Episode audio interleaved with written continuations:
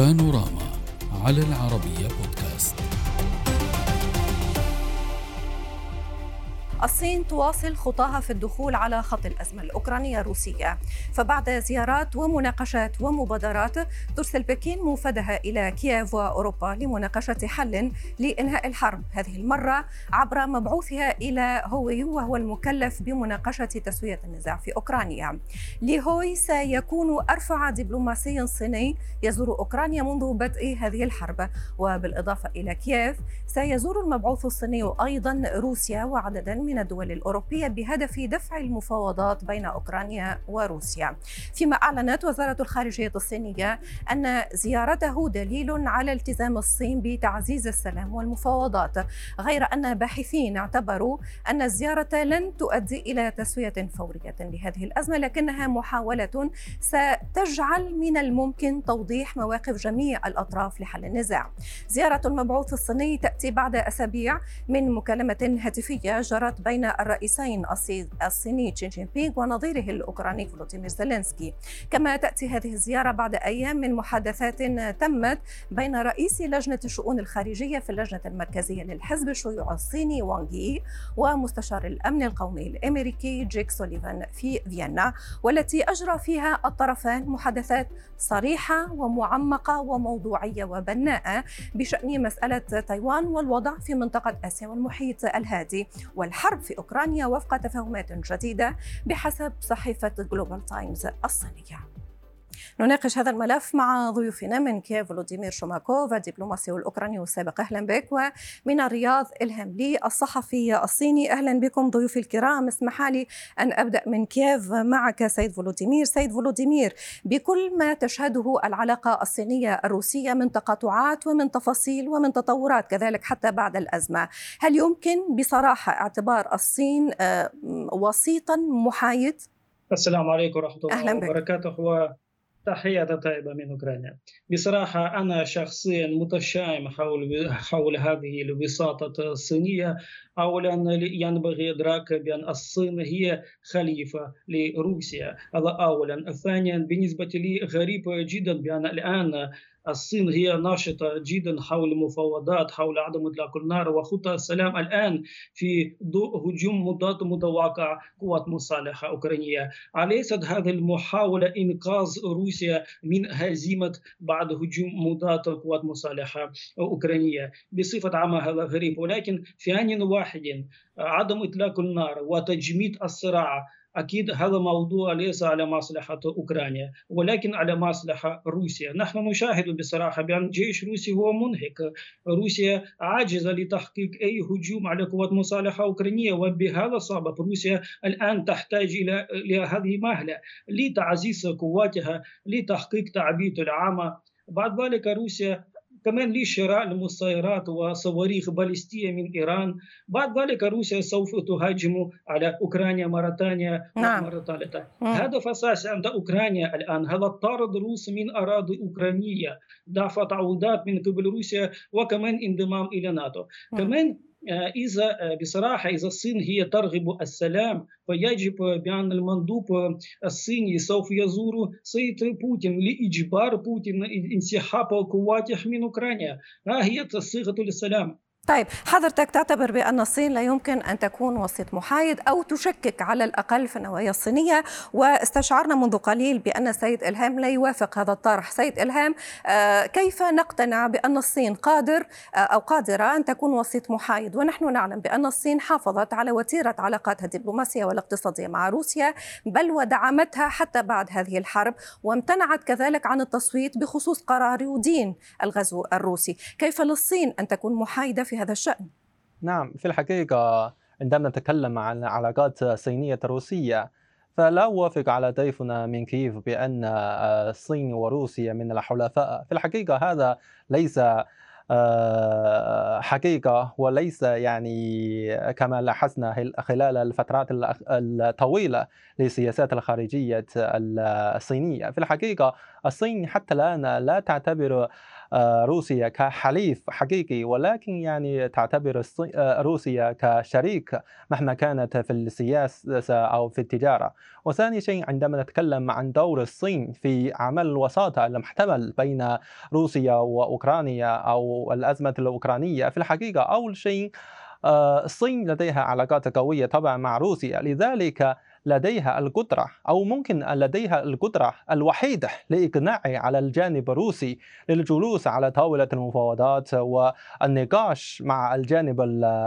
الدول الغربية وحتى أوكرانيا بشكل مباشر لإحتمال للنقاش عن السلام. وثاني شيء عندما نتكلم عن اهتمام الصيني في الحقيقة دائما هناك نقاش أو دائما هناك تصريحات من قبل السياسيين وخاصة السياسيين الغربيين بأن من اللازم أن تفوز أوكرانيا في هذه الحرب. ولكن في الحقيقة الصين تهتم بالسلام تحقيق السلام والاستقرار مهما كانت من هو الفائز أو من هو الفاشل. في الحقيقة نعم. الشعب من كلا البلدين الشعب من روسيا وشعب أوكرانيا خسر في هذا هذه هذا الحرب. لذلك الصين تسعى لتحقيق الاستقرار مثل ما فعلت الصين لاعمال الوساطه بين المملكة العربية السعودية وإيران. في الحقيقة الصين مزاياها الحفاظ بالعلاقات القوية والجيدة مع كل من روسيا وأوكرانيا. وأيضا يعني لاحظنا أن هناك تصريح من قبل وزارة الخارجية أوكرانيا مهما كانت من نائب وزير الخارجية الاوكرانيه بالأمل للصين للعب دور فعال لإقناع روسيا للجلوس على طاولة المفاوضات. وهذا مهم جدا لأن هناك ثقة مشتركة بين روسيا وأيضا أوكرانيا للجانب الصيني لاعمال يعني حضرتك أستاذ الهام أرى بأن التقارب الصيني الروسي نعم. بالعكس هو قادر أن ينفع هذه المبادرة ولا أن يضرها. ما رأيك سيد فولوديمير؟ أنا بصراحة أعتقد بأن الوقت ليست على مصلحة قوات مصالحة أوكرانية.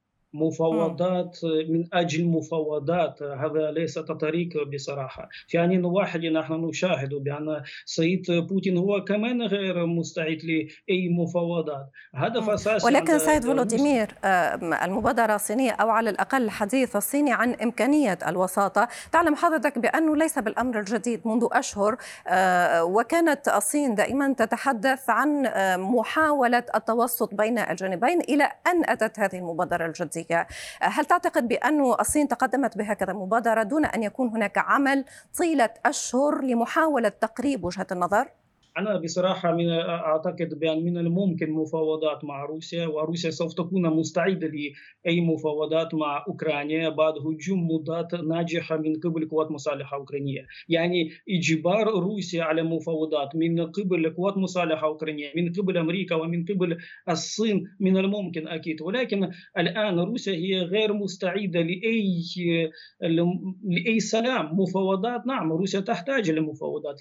كي أنا قلت لتعزيز قواتها. كمان كما أنا قلت الوقت ليست على مصلحة أوكرانية ولكن على مصلحة روسية. روسيا م. كمان ترغب تمديد وتجميد هذا الصراع نعم. لانتظار نتيجة انتخابات طيب خلينا نسأل في هذا الإطار الأستاذ لي. أستاذ لي ضيفي يطرح نقطة جد مهمة. هو يقول لك بأنه على الصين أن تقنع الجانب الروسي أولا. خلينا نفهم من حضرتك نتخيل بأنه نحن بصدد تقديم هذه المبادرة وبصدد مفاوضات. ما الذي يمكن أن تقدمه الصين للجانب الروسي حتى على الأقل تقرب بينه وبين مطالب الجانب الأوكراني آه، ونحن نعلم بحساسية وتعقيدات هذه المسافة بين الطرفين.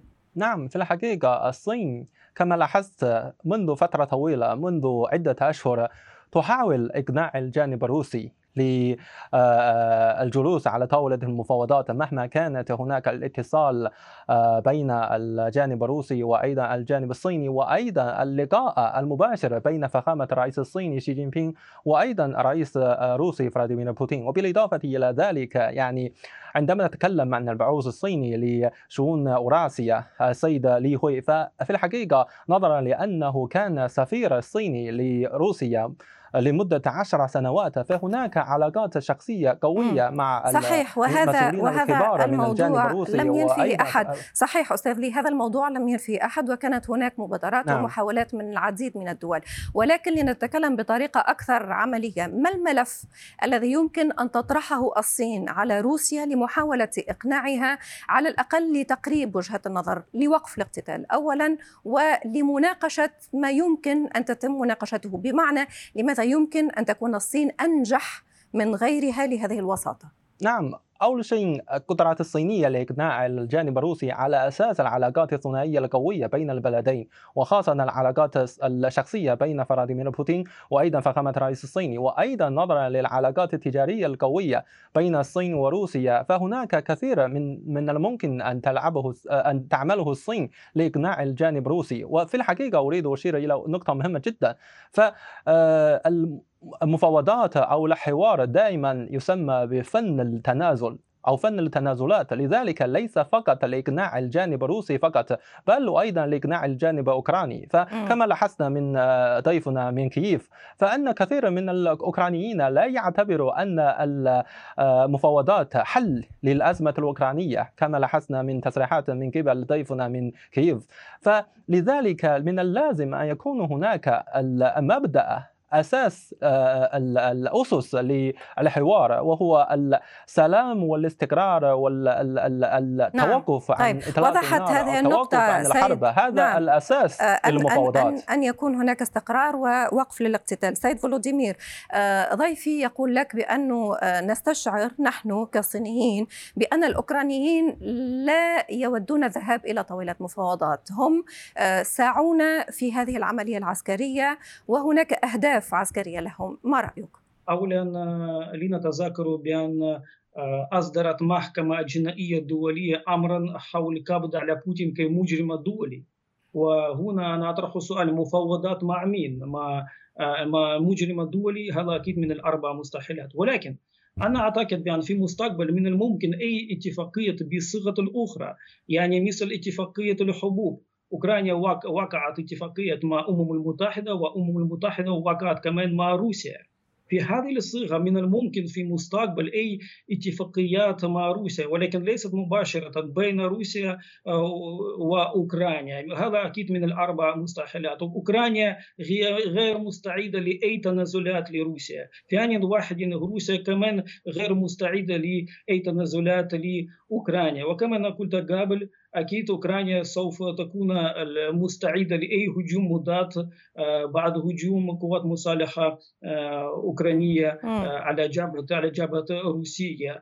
ويعني بصفة الآن هذا المآزق حول أي مفاوضات ما ما سيتم. نعم. ولكن سيد فولوديمير بطريقة أكثر صراحة هل حضرتك تعتقد بأنه إن رفضت كييف هذه المبادرة فلأنها تشكك في الجانب الصيني اولا لا تعتبره وسيط أم لأن كييف بكل صراحة لا تود أن تجلس على طاولة مفاوضات والوضع في الداخل الأوكراني آه، آه، لازال مهتز بمعنى أنها فقدت أراضي وتعتقد كييف بأنها متقدمة عسكريا على الجانب الروسي وقادرة على استعادة أراضيها. أوكرانيا قادرة لتحرير أراضي المحتلة. لنتذكر بأن أوكرانيا حررت 60% من الأراضي المحتلة في خريف بدون مساعدة ضخمة من الغرب. آه، أي هذا أولا. ثانيا مفاوضات من أجل مفاوضات هذا غير مقبول. أي تنازلات الآن هذا غير مقبول أيضا. لنتذكر بأن من بداية الحرب الأطراف مختلفة طلبت من أوكرانيا التنازلات لروسيا. ولكن ينبغي إدراك بأن شاهية روسيا هي ضخمة. اليوم جنوب أوكرانيا وكمان دنباس وبكرة روسيا سوف تحتل كل أوكرانيا لأن هدف أساسي عند عند روسيا هذا ليس جنوب أوكرانيا كل أوكرانيا. تغيير نظام في أوكرانيا وعدم خروج أوكرانيا نعم. من منطقة نفوذ روسيا ها هو هدف أساسي عند روسيا. بهذا السبب روسيا شكرا. هاجمت على أوكرانيا. بهذا السبب روسيا الان تدمر أوكرانيا. هذا مثل انتقام من تحدي للشعب الأوكراني. طيب في كل الحالات سنبقى في متابعة هذا الموضوع بتفاصيله لنرى ما يمكن أن تقدمه الصين في هذا الإطار. شكرا جزيلا. لكما على المشاركة من كيف فولوديمير شوماكوف الدبلوماسي الأوكراني السابق ومن الرياض إلهام لي الصحفي الصيني. شكرا لكما. السلام عليكم.